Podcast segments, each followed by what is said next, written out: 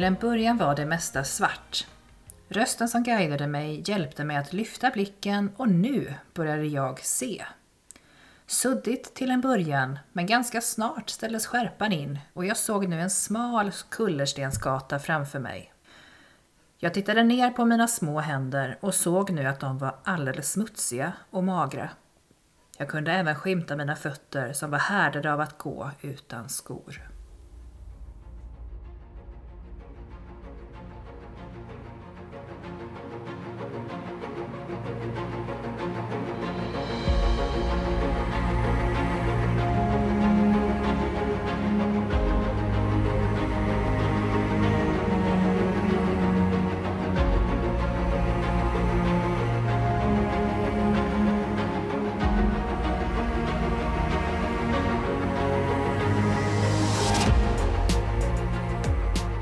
Varmt välkomna till vår podd Magiska möten. Här delar vi med oss av våra upplevelser till er lyssnare genom att berätta om spännande och på olika sätt känslomässiga möten som vi genom åren haft med det övernaturliga. Sedan man var liten har man fått lära sig att sanningen endast kan bevisas genom fysisk existens. Men i den här podden släpper vi logiken och låter känslorna och intuitionen leda oss rätt. Vi heter Caroline och Mikaela och ska ta med er på vår resa in i det okända. Nu börjar Magiska möten.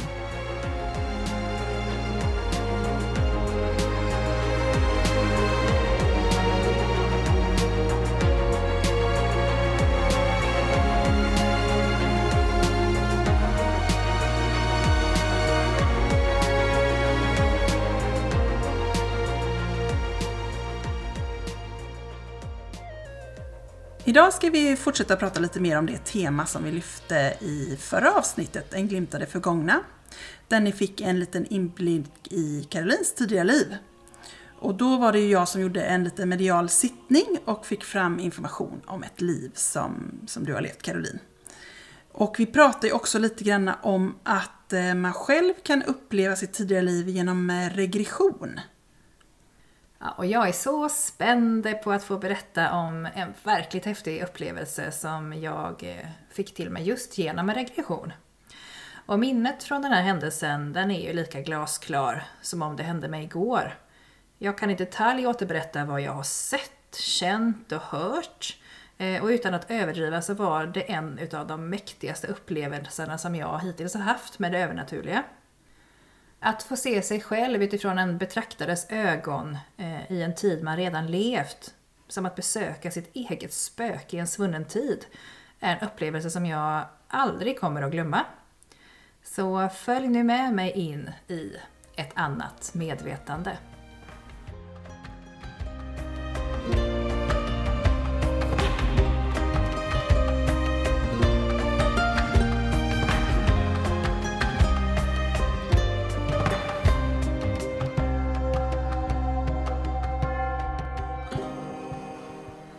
Det försiktiga ljusskenet från de levande ljusen spred sig som en enda ljuskälla i det i övrigt mörka rummet.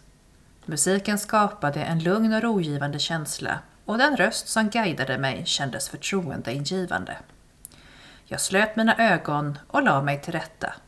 Nerbäddad under en varm filt och med en dunfylld kudde under huvudet tog jag några djupa andetag. Jag kände mig trygg när jag genom att följa den guidande rösten upplevde att kroppen blev allt mer avslappnad och jag kunde få tankar som försökte landa, att vända om och flyga iväg igen. Jag tog mig steg efter steg vidare mot en fullkomlig avslappning och mot ett djupare medvetande. Allt eftersom kunde jag fokusera mer på mitt sinne och det som fanns inom mig, mer än på min fysiska kropp och tiden här och nu. I mitt inre tog jag mig ut på en vacker sommaräng. Fram till en stor ek där jag kunde landa en stund i skuggan. Sedan gick jag vidare in i en skog på en bred stig och fram till en glänta. Solens strålar landade på en liten stuga längre fram i gläntan, dit jag gick in. Inne i huset fanns en trappa som ledde neråt. När jag började gå ner för trappan kände jag hur jag, för varje steg jag tog neråt, blev mindre och mindre. När jag till slut stod nedanför trappan kände jag mig som ett barn. Händerna var små och jag försökte se mig omkring i mörkret. Dörren jag nu hade framför mig var svår att se först, men jag anade att den var välvd upp till och gjord av rejäla träplankor, så tung att dörren hade stora smidda gångjärn av metall. Handtaget som jag sträckte mig efter var en stor metallring fäst på en grov planka.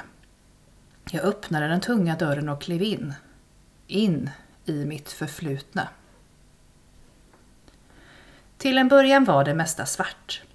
Jag tog några trevande steg framåt och försökte med hjälp av mina ögon få syn på någonting. Vad som helst. Jag kämpade för att förnimma något i det becksvarta och då påmindes jag av den känsla som mötte mig nedanför trappan. En känsla av att vara mycket yngre. Ett barn. En liten pojke. Jag tittade ner på mina små händer och såg nu att de var alldeles smutsiga och magra. Jag kunde även skymta mina fötter som var härdade av att gå utan skor. Smala, smutsiga ben kläddes av bruna byxor som slutade strax under knäna.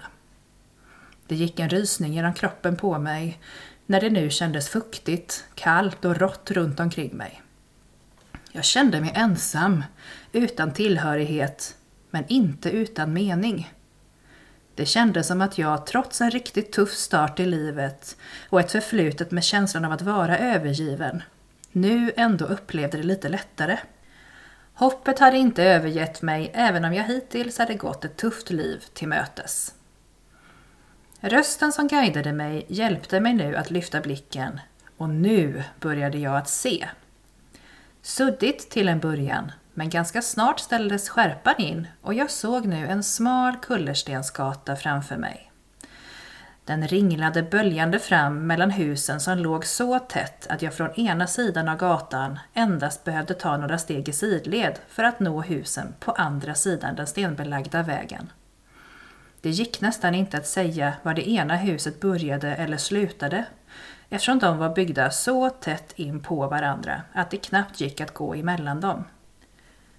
De flesta hus var byggda av sten eller trä och var flera våningar höga med vackra utsmyckningar med tinnar och torn. Taken var spetsiga och på gaveln var flera hustak utformade likt en trappgavel. På några väggar hängde det träskyltar och längs med gatan stod flera tomma stånd. Ur skorstenarna bolmade det gråvit rök samtidigt som de första solstrålarna gav sig till känna. De vittnade nu om dagens annalkande och det hördes att det rörde sig inne i husen. Några hantverkare öppnade sina luckor ut mot gatan och gjorde sig redo att ta emot dagens kunder. Längre fram skymtade jag ett kyrktorn mot himlen. Kyrkklockorna gav ifrån sig ett dovt klingande som snarast eh, fick mig att skynda på. Det gällde att inte komma för sent. Jag möttes plötsligt av en doft som närmast kunde beskrivas som en blandning av gammal tång, sopor och urin. Längs med gatan passerade jag högar med matrester och råttor som festat på dem under nattens timmar. Känslan som översköljde mig var tacksamhet för att inte längre behöva dela middagsbord med råttorna på gatan längre. Nu hade jag ett syfte och ett uppdrag som höll mig torr om natten och mätt på dagen. Jag smet in genom ett stenvalv mellan ett par av husen som låg innan jag kom fram till kyrkan. Vidare var jag snabb och ljudlös, in genom den bakomliggande träporten och upp för trappan till ett av de finare husen i området. Jag visste att det inte var mitt hem, men samtidigt var det självklart att jag var välkommen in. Ovanför trappan fick jag en glimt av den person som jag verkade jobba för. Det var en man som hade en helt annan klasstillhörighet än mig i samhället vid den här tiden. Han var klädd i en pompös och överdimensionerad överdel som gjorde att axlarna såg dubbelt så breda ut mot vad de egentligen borde vara. Därtill en utanpåliggande grön jacka med puffärmar, utsmyckad med broderier, vackra knappar och smycken. Hans ben var täckta med åtsmitande tunna vita byxor. Runt midjan prydde en pungsäck mannens medelpunkt och hans huvud var beklädd av en hatt med plym. Min känsla var att mannen såg efter mig, i gengäld mot att jag sprang hans ärenden i staden. Jag levererade meddelanden och saker till och från mannens hus. Min känsla var att han arbetade med någon slags, eh, som någon slags advokat och hade stor kunskap inom lag och rätt. Möjligtvis var han kronofogde eftersom det fanns flera register som skulle uppdateras och pengar som skulle drivas in. Från mannens fönster hade man utsikt över hela hamnområdet som var fullbelagt med båtar och människor. Jag förstod att mannen var inblandad i affärer med handel och båtar.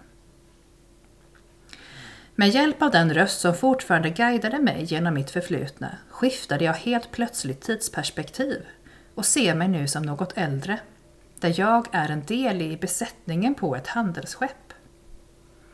Stora träfartyg låg längs med bryggan för att lasta av de varor som var del av byteshandeln. Besättningen rullade av och på stora tunnor och flera korgar och lådor bytte ägare längs med kajen.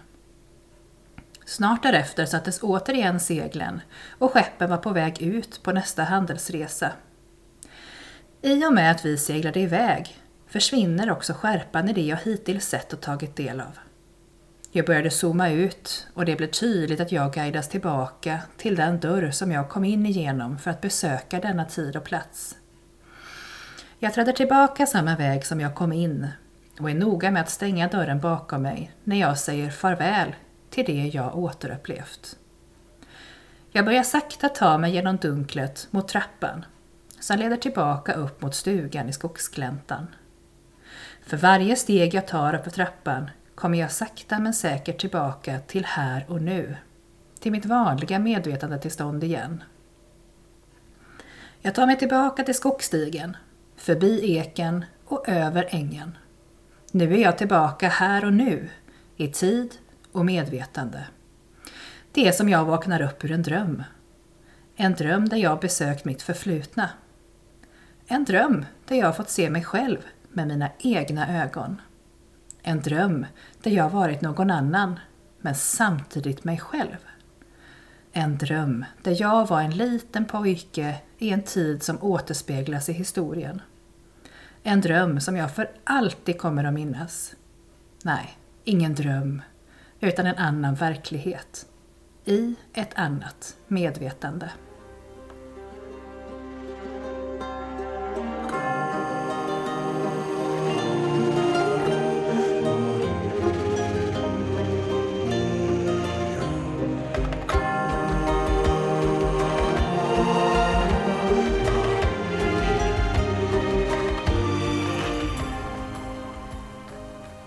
Har upplevt den här regressionen, vad är det du bär med dig som mest från den här upplevelsen?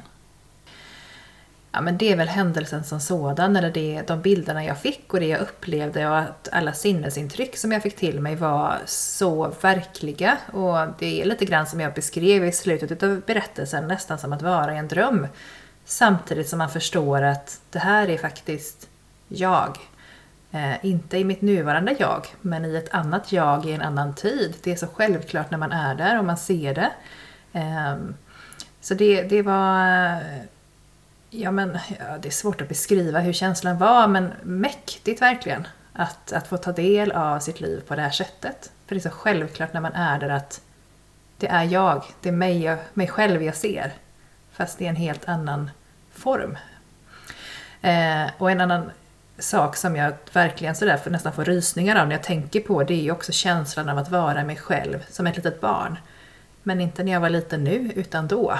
Och hur bara man tittar liksom ner på sina händer och ser att de är små, de är smutsiga och man, man bara känner in hela personen att jag vet att eh, det var så här jag hade det då. Kan du se att det finns några likheter som du bär med dig in i detta livet från det livet som du hade då?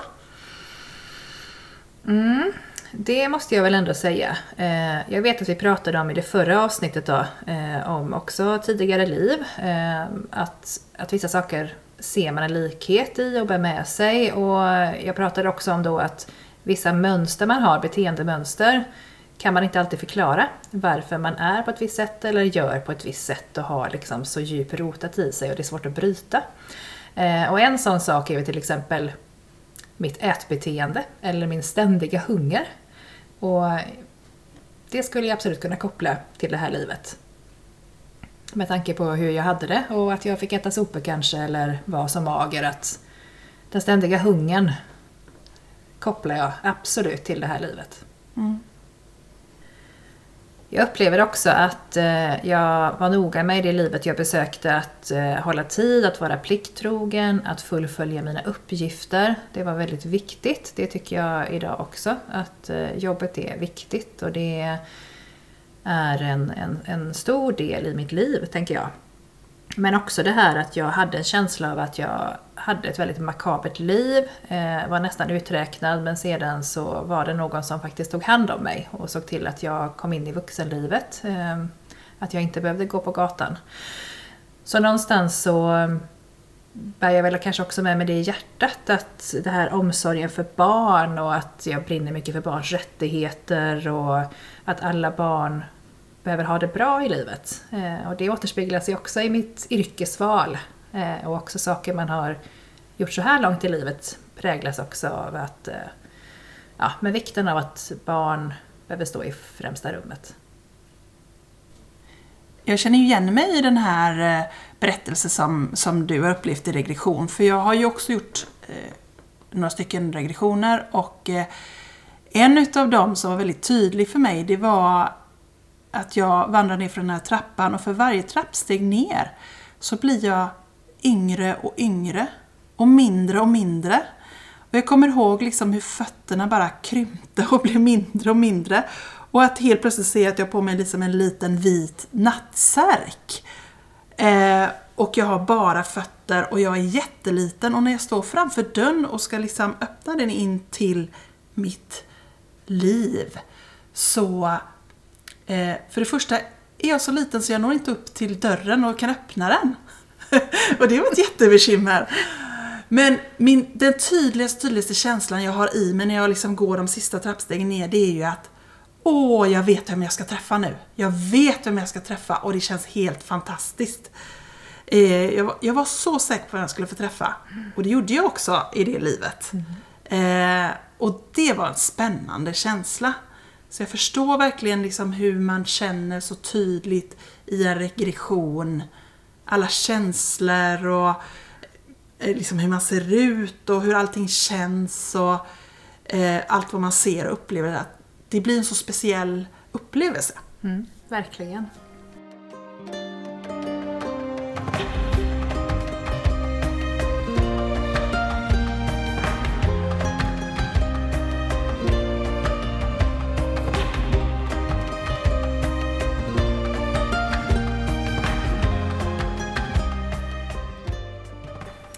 Men jag tänker att de här minnena som man faktiskt då kan plocka fram när man går i, i ett djupare medvetande i en regression. De måste ju finnas någonstans, de måste ju vara lagrade någonstans, de här minnena som man ändå har. Och upplevelser av att jag själv har gjort olika saker ifrån tidigare liv. Var, var någonstans finns de här minnena lagrade och varför måste jag gå ner i ett djupare medvetande för att kunna komma åt dem, tror du? Jo, men alltså de finns ju i Google-molnet som allting. Nej, Nej eh, de finns ju i vårt undermedvetna på djupet och följer med våra själar i alla olika inkarnationer som vi gör. Det är därför som man behöver, alltså hade vi varit, eh, använt all vår hjärnkapacitet hela tiden så hade vi säkert kunnat kommit åt dem i vårt fulla medvetande. Mm. Men vi behöver komma ner på djupet för att komma åt de tidigare minnena. Barn har ju oftast mycket lättare att komma åt de här sakerna. Jag vet att vi pratade om det förra gången också. Eh, och det är ju för att det är som närmare i tiden som de upplevde sitt tidigare liv. Vid ett tillfälle så satt jag på en tåg och eh, satt eh, bredvid en mamma och hennes lilla flicka och vi kom till att börja prata om eh, tidigare liv. För att hon läste en bok som handlar om det. Så vi började prata om det och eh, då berättar hon ju att hennes lilla flicka pratar flytande franska. Eh, och hon kan inte ett ord franska. Har aldrig varit i Frankrike, känner ingen i släkten eller familjen som kan prata franska överhuvudtaget. Så att när hennes dotter började prata franska hemma som liten då, när hon började liksom prata, så fick ju hon ta en snabbkurs i franska för att bara överhuvudtaget förstå vad dottern sa. Och det var ju väldigt speciellt att hon, att hon hade med sig sina minnen så tydligt som till och med pratade språket. Oj, ja. Och det har jag också varit med om i regression, att det finns sådana som när man, eh, när man guidar ner dem i regression, att de börjar prata ett annat språk. Det är ju häftigt alltså. Ja, det är jättehäftigt.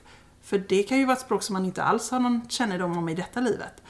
Så att eh, det kan komma upp många spännande minnen när man eh, eh, tar en regression. Så det är absolut superspännande. Jag vet att du också berättat för mig eh, flera gånger att du har ju en känsla av att när du ser ett piano Ja, så, så känner du att du skulle kunna gå fram och sätta dig och bara börja spela. Ja. Och när du väl sätter dig så bara... Nej, jag blir lika besviken varje gång. Jag tänker att plötsligt händer det. alltså, jag, nej, jag, jag har ju spelat piano tidigare i livet. Alltså i tidigare liv, inte tidigare i detta livet, utan tidigare liv. Och varenda gång jag ser ett piano så blir jag ju så sugen på att sätta mig och spela. Och jag vet ju att jag kan spela, och jag kan spela riktigt bra också. Och så sätter jag mig vid pianot och så ska jag bara liksom precis slå an de första liksom ackorden. Och så händer ingenting. Nej. Det är väldigt sorgligt. Så jag hoppas att jag ska kunna komma fram till det utan att behöva ta några pianolektioner. Att det bara ska strömma igenom en dag. Det hade varit underbart att kunna få tillbaka den förmågan utan att behöva träna. Det hade varit, det hade varit roligt. Det hade varit en dröm. Vad skulle du säga om alltså, hur långt borta man är eller hur djupt man är satt i trans eller hypnos vid en regression? Jag tror att det är ganska individuellt. En del har ju väldigt lätt att komma ner i, i eh, hypnos till och med. Eh, andra har ju lite svårare att slappna av och har svårt att meditera och så. Det, dels är det hur pass van man är att eh, gå i ett djupare medvetande. Men eh, när man guidar ner för en regressionshypnos så kommer man aldrig så långt ner som till hypnos. Utan man kan säga att det är lite emellan avslappning, meditation och hypnos. Man hamnar liksom i steget däremellan. Okay. Eh, det finns sådana som guidar ner hela vägen ända till hypnos. Jag tycker att det är jättetråkigt. För då upplever man, då kommer man inte ihåg vad man har upplevt oftast. Okej. Eh, för du mindes ju du mindes ju själv de här bilderna och sånt och jag tycker att det är jätteviktigt att man får göra det. Att bara höra på ett band när man berättar om sitt tidigare liv som man kan göra då om man går djupt ner i, i hypnos.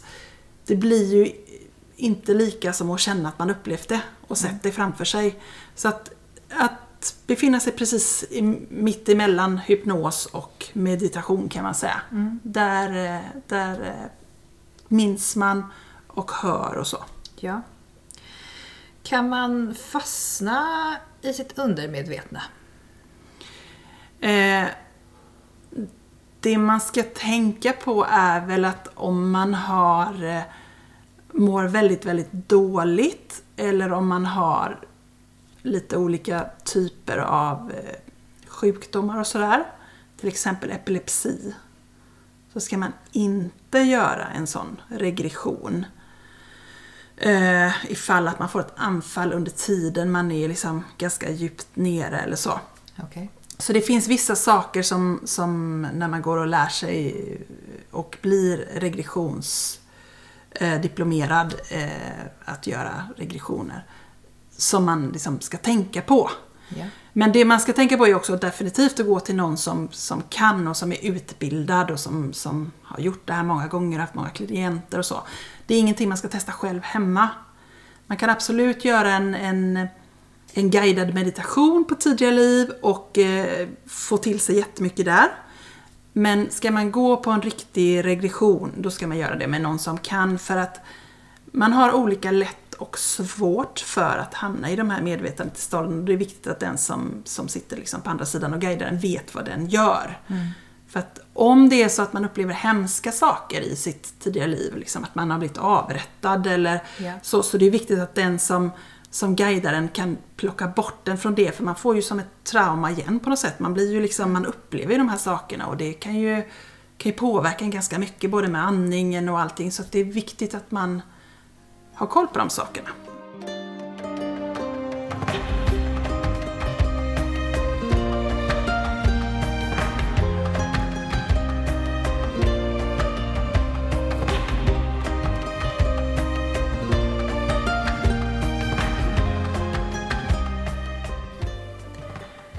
Jag har ju vid flera tillfällen gjort regressioner och jag har också fått mediala sittningar om tidigare liv. Eh, så att, och nu har ju ni som lyssnar fått ta del av två av mina spännande liv som jag har levt eh, sedan, sedan innan. Men eh, jag tänker, är det obegränsat om hur många liv man har levt? Alltså kan man göra hundra regressioner och man får upp hundra olika liv? Eller vad, vad tänker du kring det, Mikaela? Alltså, det är klart att man kan göra hundra regressioner. De flesta av oss har ju levt många liv. Eh, och många säger ju så här att ja, men jag känner mig som en gammal själ och alltså det finns ju liksom till och med ut, uttryck för det på något vis. Eh, det finns ju folk som upplevt 5000 liv. Så att det är klart att det finns ju hur många liv som helst. Men det finns också en del människor som känner att de är lite nyare själar. Eh, och då kan man ju också börja fundera på, lever man alla sina liv på jorden? Eller lever man sina liv i någon annan dimension någon annanstans? Och det är en jättespännande fråga som, eh, som man stöter, eller i alla fall jag stöter och blöter ibland. För någonstans så är ju min känsla av att eh, om man ser till universum som vi vet väldigt lite om och jorden, hur stor den är egentligen om man ser till det universum som vi faktiskt känner till så är det ju bara en liten, liten smula. Så att det vill ju till att jorden är det enda med liv till exempel eller det enda stället man faktiskt kan leva. Tänker jag. Har du upplevt eh, liv från någon annanstans än jorden? Det har jag gjort och jag tänker att vi kommer nog komma in på det lite senare. Eh, och jag har också träffat ganska många som, som har upplevelser från andra platser än just bara jorden.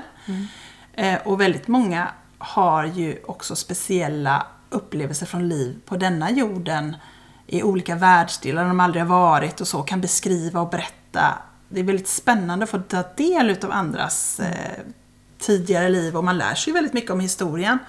Jag som inte var en så god lyssnare när jag gick i skolan vad det gäller historieundervisningen har, har lärt mig ganska mycket genom åren på hur folk såg ut och hur de hade det och eh, annorlunda ord och sånt som man kanske inte ja, är van vid idag. Ja men precis.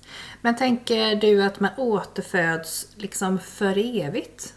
Man bara gör liv efter liv efter liv eller vad, vad händer sen då? Oavsett om man lever här på jorden eller i en annan dimension eller Du pratar om att någon har upplevt 5000 liv, alltså slutar Ja. man aldrig återfödas?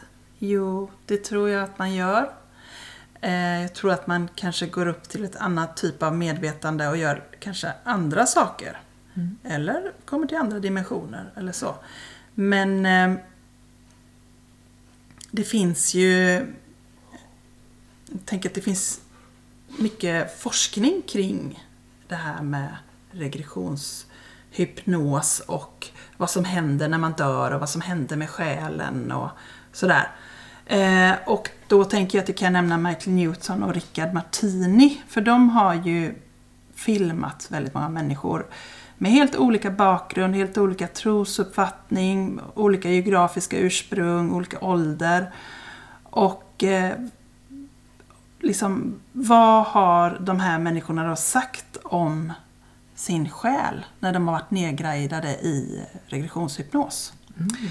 Eh, och alla pratar ju om någonting som, som de kallar för hem. Att när man dör så återvänder man hem. Man pratar inte på att man åker till himlen eller så, oavsett vilken trosuppfattning man har. Eller oavsett vilken religion man tillhör eller världsdel eller så, så pratar man alla nämner liksom dit, dit själen kommer efter man dör, det är hem. Och, och vi kanske skulle kalla den för liksom den själsliga dimensionen här när vi pratar om det då. Att själen liksom återvänder hem emellan sina liv. Vi pratade lite grann om det sist gång, att det är där man liksom får lite läxor och lär sig och bestämmer sig för vilket liv man ska tillbaka i och sådär. Vi pratar om själsfamiljer bland annat också. Ja, precis. Men och, tänker vi att, att, att de här själarna har olika hem? Eller har alla själar samma hem? Jag tror att alla har samma hem. Mm. Fast man kanske... Eh, om man tänker det som en skola så går vi in i olika klassrum. Mm. Vi har olika, som vi pratar om, själsfamiljer. Alltså olika grupper som vi tillhör. Där vi, där vi lär oss utav varandra och hjälper, hjälps åt och så. Mm. Eh, Mike Newton har också skrivit en jättespännande bok, som, eller han har skrivit många spännande böcker, men som heter Själarnas resa. Där det, handlar jättemycket om människornas eh, upplevelser kring, kring vad som händer med själen. Mm. Eh, och hur själen färdas och vad som, vad som händer liksom, när, man, när man går bort. Det finns ju också en, eh, en spännande forskning som, den är ju väldigt, väldigt gammal, men som var i början på 1900-talet. Som eh, en som heter McDougall gjorde. Eh, där han vägde sina patienter, sina döende patienter. När man visste att det bara var ett dygn kvar så fick de ligga på någon form av våg. Och då vägde man dem och man konstaterade att i dödsögonblicket så lättade de 21 gram. Och det är därför man säger att själen väger 21 gram. Att man kunde se det, att det, Det jag hände någonting. Ja. Mm. Eh, att det hände någonting i dödsögonblicket. Eh, och det är även några som har tittat på eh, sådana här nära döden-upplevelser. Mm. Att detsamma hände då. Och det hade varit väldigt spännande om någon hade någon forskning kring om man lämnar sin kropp, alltså man har liksom ut, utom kroppslig upplevelse. Om det är samma som händer då, att man också blir 21 gram lättare. Men eh, det är inte så många som tagit upp den här forskningen, men det hade varit väldigt spännande att hört vidare kring. Det kanske är ditt nästa steg Ja, det Mikaela, att forska på. Ja, det var någonting. Det var väldigt spännande. Men, ehm, och eh, jag tänker också nära döden-upplevelser. Eh, vad folk beskriver när de kommer tillbaka och vad har de upplevt? Och det är ju lite olika saker. Eh, många forskare menar ju att, att, att man ser ett ljus, att det handlar liksom om syrebrist i hjärnan eller, eller att man har någon annan kroppslig åkomma som gör att, att hjärnan börjar stänga ner. Men väldigt många beskriver ju eh, det här med ljuset, man beskriver att man blir mött utav någon, så som vi säger i själsfamilj, att det finns någon där som kommer och möter en kanske. Eh, och eh, klara färger, villkorslös kärlek, alla de sakerna berättar de ju om väldigt ofta. Och det är inte så många, det var bara 5% som, som beskriver att de liksom ser sitt liv passera revy. Ja. För det pratar man ju oftast om i ja, men, filmer och media och överallt att ja, men innan man dör så passerar liksom livet förbi. Precis. Det är en väldigt vanlig uppfattning. Ja, jag tänker det. Men det är, enligt forskning så är det inte så vanligt som, som vi tror. Nej. Ehm, och jag tänker mycket på det här med, med själen att Förr var det ju också vanligt att man alltid när någon dog öppnade ett fönster för att släppa ut själen så att inte själen skulle liksom firra sig, att den skulle bara komma tillbaka till, till sitt hem, till där den hörde hemma efter man har varit färdig. Så att det finns ju väldigt mycket både i våra liksom, eh, eh, gamla traditioner och i våra liv som handlar om den här själen, oavsett vilken tro man har eller hur man tänker om livet. Ja, men precis. Men eh, du pratade om ett, ett själsligt hem eh, och att alla själar återvänder dit efter ett, ett jordsligt liv. Ehm, men till exempel så är det så att befolkningen på jorden ökar ju ganska enormt varje dag. Ehm, hur, hur många själar finns det, eller var kommer alla själar ifrån? Föds nya människor på jorden med nya själar då, eller vad? Då vill jag kontra och säga, hur många själar finns det i universum? Mm. Tänker jag. Ja. Som en sån fråga. Ja, Kan det minska någon annanstans och öka någon annanstans? ja precis. Eh, jag, jag tänker ju att eh, väldigt mycket utav det här som vi pratar om handlar om energi Och eh, enligt fysikens lagar så kan ju energi aldrig försvinna, kan bara omvandlas. Mm. Så att eh, det är väl min fasta övertygelse om att det handlar om energiutbyte på olika ställen. Liksom, energin är ändå konstant, bara det att den byter form eller eller i det här fallet kanske byter plats? Ja, byter plats, byter dimension. -huh. Så, men det här är min personliga tro. Mm. Det finns säkert, säkert massa forskning på det här också och säkert många som har kanske mycket mer distinkt och mycket mer klar bild över hur det är. Eh, så att det, vi är öppna för att det kan vara på olika sätt, tänker jag.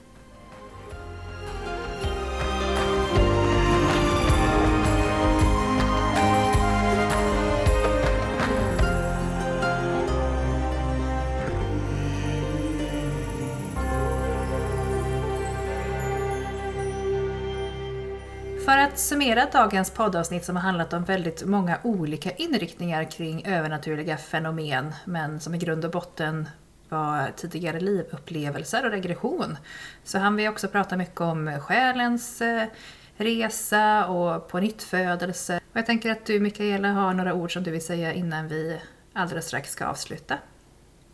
Ja, och eh, att utforska sitt undermedvetna och få tillgång till fler verktyg ger oss ju både svar och inspiration i vårt nuvarande liv. Och att låta själen få resa fritt i universum frigör ju vår fulla potential och lär oss också att leva i tacksamhet och bidrar till en större förståelse både för oss själva och för andra som vi möter längs vår livsväg. Och vill ni veta mer om våran podd och vad vi gör så går det jättebra att följa oss på Instagram genom att söka upp podden Magiska möten. Där lägger vi upp inför kommande vecka på fredagarna vad som nästa avsnitt innehåller och där finns också möjlighet att kontakta oss om man har frågor eller funderingar eller saker man vill lyfta i kommande poddavsnitt. Välkomna till podden Magiska möten på Instagram.